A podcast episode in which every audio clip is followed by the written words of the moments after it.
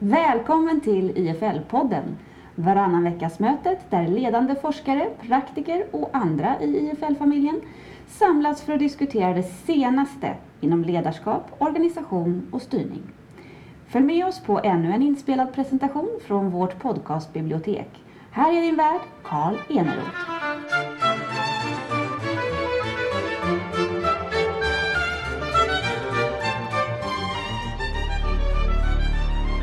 Välkomna till denna podcast. Idag ska vi prata om den engagerande organisationen och hur man skapar mening med det. Och med mig idag har vi Carl Lindeborg. Vem är det? Eh, jag, den korta versionen är att jag jobbar sedan 10-12 år med eh, organisations och ledarutveckling. Eh, jag är programledare och fakultet här vid IFL och leder då bland annat ett program som heter Managing Professional Services som är inriktat på ja, chefer inom kunskapsintensiva verksamheter. Varför är den här idén med engagerande organisationer så viktig? För några år sedan så var jag involverad i en organisation, en tjänsteorganisation. Vi hade ett ganska tufft ekonomiskt läge. Och vi då, jag satt i styrelsen för det här bolaget eh, tillsammans med VD, vi tryckte väldigt mycket på att vi behövde sälja mer, vi behövde öka vår debiteringsgrad eh, Eh, och därmed blir mer lönsamma. Och det vi såg var ju att det här egentligen fick motsatt effekt. Alltså människor blev mindre motiverade, man fick lägre engagemang och man blev cynisk och man fick ett större gap mellan ledning och, eh, och medarbetare. Eh, så konsekvensen blev egentligen den motsatta. Ju mer vi pratade pengar, desto mindre pengar fick vi in i bolaget. Eh, för det var något som saknades där i, i kommunikationen. Det var, det var någonting som saknades i det som skulle beröra människor att förändra sig. Vi är ju mitt i ett syfte eh, mitt i ett skifte skulle jag säga, där vi, eh, alltså i organisationer i allmänhet, vi rör oss från en historia där vi har våra rötter i, vad ska jag säga, ett kontrollerande ledarskap. Man brukar prata om command and control ledarskap. Eh, för det var det som behövdes när man stod vid löpande bandet. Eh, idag är vi väldigt långt från det, men jag ser att företagskultur och ledarskap släpar lite efter då. Vi är på väg in i ett skifte mot ett mer möjliggörande, kraftgörande ledarskap då egentligen. Och någonstans mitt, mitt i det här så går man från att man kräver att medarbetaren ska göra det den är tillsagd till att man nu egentligen kräver att man ska vara engagerad på arbetsplatsen. Men och, hur, och hur blir man då engagerad? Ja, och precis. Det är det som är det svåra. Va? För det är inte lika konkret, lika tydligt. Utan man kan ju aldrig kontrollera det. Man kan aldrig styra någon att bli engagerad. Utan det gäller ju då för eh, chefer och ledare och egentligen alla medarbetare tillsammans att skapa förutsättningar för eh, engagemang. För att du kan ta den mest engagerade, passionerade person eh, och i fel kultur med fel typ av ledarskap så kan du ta död på den där passionen. Då. Så det gäller ju att skapa de här förutsättningarna. Och du har sett det här i first hand? ja, jag har dels sett det och dels så, så jobbar jag också som, som rådgivare i de här frågorna och det är någonting som vi också tar upp mycket i, i programmen som, som jag leder. Eh, och eh, det är ju intressant att en av nycklarna, eller pusselbitarna om man nu så vill, är till att skapa engagerade medarbetare eh, är syfte. Alltså ett, ett starkt underliggande syfte som människor känner för. Det vill säga att man, när jag går till jobbet så känner jag en slags meningsfullhet. Att det vill säga att mitt bidrag gör en skillnad bortom mig själv. Jag tycker vi pratar alldeles för mycket vad i organisationer. Vi pratar eh, vad vi ska göra, vi pratar strategier, vi pratar planer och vi pratar för lite varför. För någonstans i varför sitter motivationen hos människor, engagemanget. Om vi bara stannar lite vid varför då. Hur kommer det sig att vi pratar så lite om varför? Jag tror att, jag tror att man, är, eh, man går gärna till det mest konkreta först. Det är lättare att prata vad, för det är konkret och det är specifikt. Och det går att mäta? Det går att mäta, ja. Eh, och det såg jag också som när jag var själv var, jobbade som strategikonsult i en stor, stor strategikonsultfirma. Vi var jätteduktiga på att utveckla strategier. Men vi var inte alltid så duktiga på att förankra dem i kundorganisationerna så att det skulle hända någonting när vi lämnade. Och eh, det var väl ett av de syftena som gjorde att jag lämnade och ville jobba mer i det här eh, mellanrummet mellan strategi och, och människor. Men så kan man inte se att det fanns ett värde i då den här förankringsprocessen också? Men där stannar man istället? Jo, absolut. Alla förstår det tror jag. Det är bara att man inte alltid är så van att jobba så.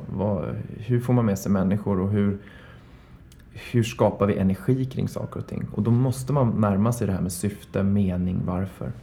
Kan man titta på tidsperioder, att det tar så mycket längre tid att skapa mening än det där vad. För det kommer med en gång och man kan skriva upp det, det är mätbart, det är klart. Ja. Men andra tar ju år att utveckla. Absolut, det tar år att utveckla och det handlar väldigt mycket om människor och människors drivkrafter. Eh, vilket är mycket mer komplext än en plan eller en, en strategi. Om man eh, går tillbaks till det just med syftet, om man då tänker på någon företagsledning. Tycker du att man ska presentera ett syfte eller är det upp till alla andra att eller alla som jobbar med det här att själv komma fram till sitt eget syfte och stötta och blöta det? Eller ska man ge en riktning och sen, eller vad tycker du? Jag tror en kombination är det kraftfullaste. Det bästa kanske är om man kan involvera människor eh, i organisationen i en diskussion. Vad är syftet? Varför går vi till jobbet? Ehm, men sen måste ju någon någonstans formulera det och, och kanske fatta ett beslut i slutändan. Och därifrån återigen ta det tillbaka. Om det här nu är organisationens syfte, vi finns till därför att, vad det nu är. Och sen så kan man bryta ner det på teamnivå. Varför finns ni till? Vad är ert syfte i organisationen? Och sen kan man ta individnivå. Vad är ditt syfte när du går till jobbet? Jag tror vi behöver ha den konversationen genom hela organisationen och det är väl så också man, man får resultat. En gång eller lite då och då? Nej, det behöver alltid pågå tror jag. Inte, inte varje dag men mm, jag tror det är farligt att göra en sån här engångsprojekt. Nu gör vi en drive och, och, och pratar syfte och sen så somnar det in och, och det ligger papper på någon bänk och dammar. Utan det måste leva hela tiden. Tycker du att man ska välja då det är det så att eh, medarbetarna får välja, det här är syftet organisationen står för och då får jag säga ja eller nej till det här syftet och gå med i det eller kan man ha olika syften inom samma ram? Jag tror att det är, jag tror alla människor har ett unikt syfte. Alltså varför, varför, varför går jag upp ur sängen på måndag morgon? Ehm, och det är ju bra om det finns ett överlapp med organisationens breda syfte. Ehm, och organisationens syfte behöver ju vara som ett paraply som rymmer mycket. Men det kan inte rymma allt, för då tappar man fokus.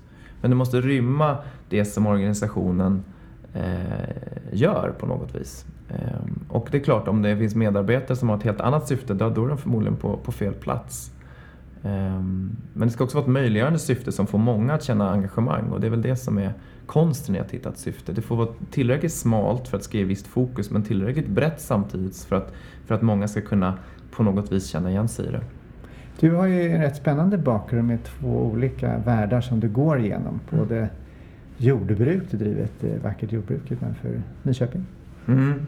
Ja precis, det är väl min egen resa kring det här med mening och syfte. Att vi, eh, jag jobbar dels förstås ute i organisationen men jag jobbar också med att driva ett ekologiskt jordbruk tillsammans med min fru. Där vi, eh, och det, det knyter väldigt mycket ihop till vår egen mening. Vi ser väl att, som ett exempel, jordbrukssektorn är väl en, en sektor som kanske inte är helt hållbar då och på sikt behöver vi göra förändringar och så vi driver ett litet vad ska vi säga, experimentjordbruk där vi ska kunna förhoppningsvis testa grejer för oss själva men också inspirera andra att, att tänka nytt helt enkelt. Men det är några hektar, det är inte bara en liten Nej, det, det ligger på 74 hektar med, med beten och eh, åkrar och skog och lite djur och så. Men det är uppstartsfas, men, men, men visionen är att kunna ha någon slags kunskapsutbyte där. Ehm, skapa nya dialoger, nytt tänkande. Och där blir ju, om jag tar det som ett exempel här, så mm. där är ju folk som snurrar in antar jag och, och hjälper till vid eh, skörd och såning mm. och sådär. Ja precis, vi har ju människor där. Hur pratar ofta. ni då kring mening? Bjuder du in dem till den här dialogen eller bara finns det där för att det är så vackert i Nej, jag gillar jättemycket att prata om, om eh, både om varför våra, våra personliga drivkrafter men också eh, lyssna på vad deras drivkrafter är och, och försöka eh, både vara öppen för influenser utifrån men också kunna inspirera. Så jag tycker att de här dialogerna är otroligt spännande.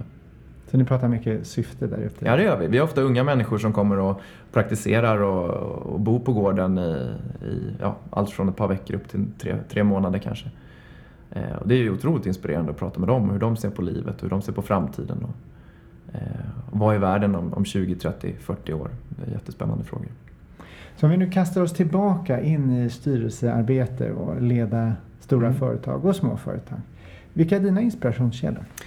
Eh, men just kring det här med, eh, med syfte och engagemang så fick en, en, det var en, en pusselbit som föll på plats för mig var eh, ganska snart efter det här exemplet jag pratade om i början när vi, när vi kämpade som styrelse och ledning med att få folk att sälja mer egentligen. så var jag på Tällberg Forum, och det är ett forum där man diskuterar de här stora globala utmaningarna. Och jag hamnade en vacker sommarkväll eh, på bussen hem bredvid en professor i konsumentmarknadsföring från USA, eh, Rash Sisodia heter han.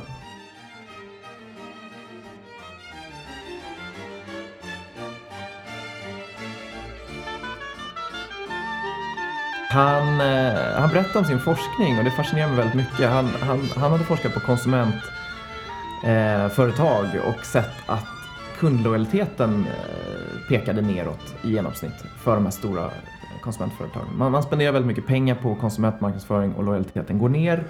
Men det fanns undantag. Eh, och han var väldigt intresserad av de här undantagen. Och han ställde människor frågan, vilka företag älskar du? Och då var det ett antal bolag som kom tillbaks i svaren. Apple. Ja, Apple var faktiskt inte med på den tiden. Det kanske var precis innan eh, det blev så stort. Alltså. Mm. Ja, det här är väl säkert 7-8 år sedan nu. Ikea var ett bolag i USA faktiskt som är på den här listan. Det var bolag som Harley Davidson, Starbucks, Google, eh, Patagonia, Timberland, Southwest Airlines, några av sådana bolag som skiljer sig lite från sina konkurrenter. Och det han såg eh, var att de spenderade mindre pengar på marknadsföring, traditionell marknadsföring, eh, hade mycket lojalare kunder och lojalare medarbetare, lägre personalomsättning och, och extremt lönsamma och eh, extremt värdeskapande för sina aktieägare. Formligen utklassade sina konkurrenter då han tittar tio år tillbaks i tiden.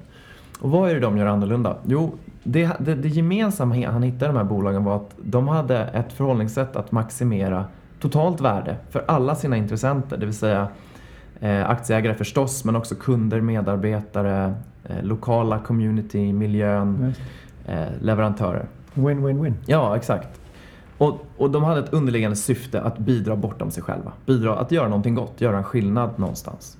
Och det kan låta klyschigt, men, men de här, det är väldigt svårt att kopiera. Eh, Varför är det svårt att kopiera? Därför det måste komma inifrån och ut. Det finns väldigt många företag som har gått, eh, vad ska jag säga, i, i en fallgrop där man kanske lägger ut det här på någon marknadsavdelning eller PR-sida och så, så, så, så blir det liksom väldigt fint på pappret men man gör någonting annat. Och det är inte rätt och fel, det är bara att det inte är så effektivt utan det där känner ju människor av, både kunder och, eh, och medarbetare. Vad skulle typiskt kunna vara aktiviteter då för att skapa den här in, inifrån och ut-känslan? Det måste ju börja i ledningen. Det tror jag var gemensamt för alla de här bolagen. Eller måste, men, men i de här fallen gjorde det det. De hade väldigt starka profiler eh, som bestämde sig för någonting. Eh, vare sig det var grundare som hade byggt upp ett bolag, eh, som till exempel Patagonia, ett klädföretag, väldigt stark grundare som var klättrare som kom på att vi måste liksom revolutionera det här med, med kläder och utrustning för det, det duger inte. Och, eh, och samtidigt göra det på ett sätt som är, som är, som är ja, hållbart. Eh, ett sånt exempel. Eller, Personifiering? Ja, eller? ja det, det fanns ofta sån en person, personifiering. Det behöver inte vara en person, men att ledningen har en väldigt aktiv roll är viktigt. Och att man har det att man involverar människor på olika sätt. De här företagen involverade människor på så sätt att Alltså man kopplar dem, eh, jag, vet, jag tror att det är Starbucks som har att varje år så skickar de ett antal medarbetare, jag vet inte om du har jobbat ett antal år eller hur det är, ner och besöker kaffeplantagerna, pratar med leverantörerna, förstår var kaffebönan kommer ifrån. Eh, och det är klart det ger en mening än att bara sitta och knacka siffror eller vad man har som jobb. Va? Det är jätteviktigt men att komma ut och se hur gör vi en skillnad? Va? Det sättet vi jobbar med våra leverantörer, hur kan det göra en skillnad? Eh, det tror jag också var någonting att ledningen går i bräschen men också att man involverar alla eh, så mycket som möjligt och att det inte bara är en fråga som kommer en gång utan det bara, det bara genomsyrar. Och att det knyts hela tiden till core business. Att det inte blir CSR vid sidan av lite sådär, ja men vi ska, vi ska inte bara liksom bedriva vår verksamhet utan vi ska donera pengar till regnskogen. Det är jättebra. Men det, det engagerar ännu mer om man kan utveckla sin core business på något vis eh, och koppla det till att vi gör någonting viktigt som är bortom oss själva. Det tror jag. Eh, Det här låter ju som, ja, men det här skulle alla skriva under på. Men så Mm. där ska jag driva mitt företag också. Mm. Men vad är det som gör att de här lyckas då på ett annat sätt? Vad är det, vad är det tar slut? Nej, men det man såg med de här bolagen, för det är väldigt lätt, precis som du säger, så här, ja, ja, men visst, vi förstår att syftet är bra och så gör man något helt annat. Då är man tillbaka och pratar vad. Och det är otroligt lätt att fastna i vad. Jag faciliterar sådana här konversationer med ledningsgrupper och man börjar prata varför och så är man tillbaka i vad. Eh, Vad är det som gör det? Vad är, det som, är det otålighet? Man är konkret? Det är otålighet styrd, tror jag. man vill, man, det är dels otålighet och det är klart, när, när du hela tiden måste leverera resultat kvartal för kvartal så, så kommer man ju lite längre ifrån de här ganska långsiktiga frågorna. Och sen tror jag bara att det är en ovana på något vis. Vi är inte, inte, va, vi är inte vana att värdesätta det här i, i eh, vad ska jag säga, affärssammanhang kanske. Eh, men det man såg på de här bolagen, de hade varit väldigt konsekventa och han tittade på genomsnittlig värdeökning under åtta år, 98 till 2006, Rashi Sodia. De här bolagen hade ökat i värde, de som var noterade, med över 1000 procent. Och, deras, eh, och index var upp 122 procent. Så att, alltså får man till en sån här värderings, vad ska jag säga, värderings och syftesdriven organisation med mycket engagemang så kan man ju försätta berg. Eh, men det finns inte ett recept utan jag tror att ledningen måste ta det här på allvar. Det måste genomsyra hela organisationen på, på något sätt. Och jag tänkte ta ett annat exempel när vi ändå pratar om exempel. Eh, om någon som har gjort det här då, på ett ganska konkret sätt. Eh, och det var en, också en, en person som jag lyssnade på. Eh, Chip Conley heter han. Han driver en eh, hotellkedja i Kalifornien, 35 hotell, boutiquehotell. Och han, han har en ganska rolig historia. Han köpte i slutet på 90-talet ett hotell i, i San Francisco-området och, och gjorde, något, gjorde det till ett väldigt hippt ställe. Eh, det var en massa rockband som var där och, och eh, levde om. Och sen kom ju i San Francisco-området, han skaffade fler hotell och så, så kom ju IT-bubblan eh, som sprack. Och du hade samtidigt någon SARS tror jag det var. Folk reste mindre i alla fall. Och hela hotellbranschen i början på 2000-talet Störtdök? Ja, i princip. I, verkligen alltså. Västkusten i USA. Han hade ju lån och investerare och sånt där och gick in i en bokhandel för att uh, hjälpa sig själv. Han hittade en, på självhjälpshyllan, berättade han då, en bok av Maslow. Eh, och han började fundera på, om ni kommer ihåg Maslows behovstrappa, det här med att man behöver i grunden det här fysiska basala. Och sen är det någonting kring gemenskap, sociala, och, ja, sociala och självkänsla. Och sen i toppen handlar det ju om självförverkligande. Då funderar jag på, kan man skapa en självförverkligande organisation? Och hur ser det ut? Där folk faktiskt känner en stark känsla av mening när man går till jobbet. Och då kan man tänka på att han är i hotellbranschen eh, i USA, en personalomsättning på ungefär 100% om året. Eh, och så tänkte han, för de, en tredjedel av, av dem städar toaletter egentligen. Eh, hur kan man få dem att känna en starkare mening? Så han gick egentligen hem och ritade på pappret tre sådana här pyramider baserade på Maslow, lite förenklade. En för kunder, en för medarbetare och en för investerare. Och just på medarbetarsidan så tänkte han, vi måste kunna, för att vi ska kunna skapa engagerade, engagerade högpresterande medarbetare som stannar i bolaget, så måste vi erbjuda en rättvis lön. Det är liksom det basala. Eh, I förhållande till standarden i hotellbranschen. Nummer två, i mitten då, människor har ett behov av att synas. Vi måste bekräfta människor, vi måste uppmärksamma dem, eh, vi måste få dem att känna sig sedda och behövda på olika sätt. Men sen, vi vill gå vidare. Vi vill också få folk att känna en mening när man går till jobbet. För då får vi inspirerade, engagerade medarbetare som presterar bättre. Um, och vad gjorde han? Vad gjorde han? Han gjorde många olika saker. Jag tycker, dels gjorde han sådana här saker som, på tal om att se människor. Eh, många av de här i Kalifornien kanske inte hade så hög utbildningsnivå. Så att han, han grundade ett, ett, eh, ja, Choix de Vivre heter hotellkedjan. Ett, ett universitet där de, medarbetarna själva fick välja vad man skulle kunna välja på för kurser och han ordnade lärare och sånt där. Det var en sak. Ehm, han eh, gjorde att alla medarbetare, även om du städade, fick bo på hotellet åtta nätter om året när de hade tomma rum på ett relativt exklusivt hotell när man har den typen av jobb i USA med sin partner och bo åtta nätter. Det är en, ganska, det det är en ganska stor grej för de här människorna. Eh, men framförallt det som jag är mest fascinerad över är att han, han formar hela bolaget kring ett syfte och det är att sprida glädje. Varför, varför finns vi som hotellkedja? Vi vill sprida glädje. Därav namnet. Och därav namnet Joie de Vivre, liv, eh, livsglädje. Och det han gjorde för att få de här människorna att känna sig delaktiga och känna mening, det var att varje år så lyfter han ut all hotellpersonalen, ett hotell i taget, på en sån här retreat där man åker ut och diskuterar såna här på frågor. På ett annat ställe, inte hans Ja, eget. exakt. Han åker på retreat. Och de, även om du då står i receptionen eller städare eller kock så är du med och pratar om företagets framtid och vad gör vi nästa år och vart ska vi och strategi och syfte. Och det tror jag är unikt. Ehm, och det skapar ett väldigt engagemang. De anställda har också, på tal om det här att kraftgöra sina medarbetare, oavsett vad du gör så har du rätt att göra något extra för en kund. Alltså om du hör någon som har ett visst behov så, så kan du liksom, utan att behöva fråga någon om lov, ta, om det nu krävs pengar eller tid i anspråk för att möta det där behovet. För man vill också överträffa kundernas högsta behov för att nå upp till kundernas I stunden, självförverkligande nivå. Ja. Så det finns sådana mekanismer. Ehm, och det vad som hände var i den här krisen att han kom väldigt starkt ur det. Han sänkte personalomsättningen från 100% till 30% eh, under några års tid. Ehm, och han öppnade fler hotell och, och kom tillbaks till lönsamhet medan många av konkurrenterna ehm, fick stänga igen.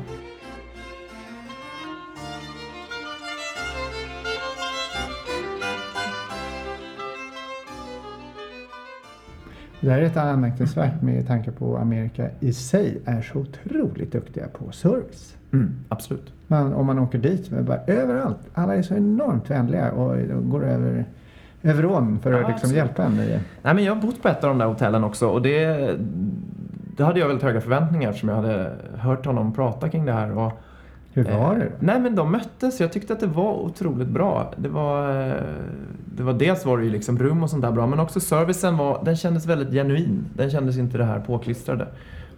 Och, eh, jag minns att jag, jag satt åt i, för jag var nere själv och jag satt åt vid bardisken och pratade med killen som jobbade där. Och hade, ja, men det bara kändes otroligt bra. Mm. Och jag, jag förstår lite grann mer av vad den här kulturen innebär då. Varför är man så rädd tror du för att eh, gå in i de här eh, diskussionerna om mening och Jag tror att det finns, det finns någon slags, kanske någon fördom att det blir för mjukt och för fluffigt och det hör inte hemma här. Här, här ska vi liksom ta beslut och strategier och planer. Man är väldigt van vid den här hårda delen av, av management mer och kanske styrande? styrande ja, och, och viss kontroll. Och det handlar ju rätt mycket om vad man tror om människor egentligen. Alltså antingen tror man att människor behöver det här, ja, vi måste säga exakt vad människor ska göra. Eller så tror man att människor växer när de får mera ah, utrymme. Och syfte, ett väldigt starkt syfte behövs också för att kunna ge människor mera utrymme för att tänka själva.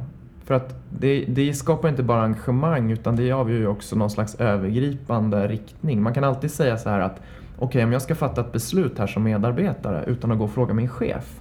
Då kan jag alltid tänka så här, hänger det här ihop med vårt syfte? Och gör det inte det, då ska man nog inte ta det beslutet. Eller säga nej. Va?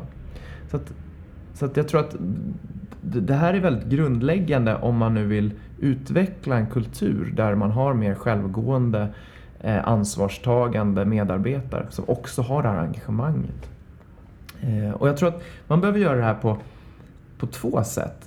Och inte bara snöa in sig på det här jättestora syftet som finns där ute. Eh, utan också det behöver man också göra. Varför finns, varför finns vi som, eh, som organisation? Varför går vi till jobbet? Men också det här lilla syftet, alltså lilla varför, i vardagen. Om jag har en junior medarbetare som jag ger en uppgift så behöver jag ta någon minut och prata om varför är det här viktigt i det större sammanhanget? Varför är den lilla pusselbit som du lägger här, hur gör det en skillnad? För allt vi gör förhoppningsvis, om, nej, det ska inte säga att det är så, men det bör vara så, gör ju en skillnad någonstans.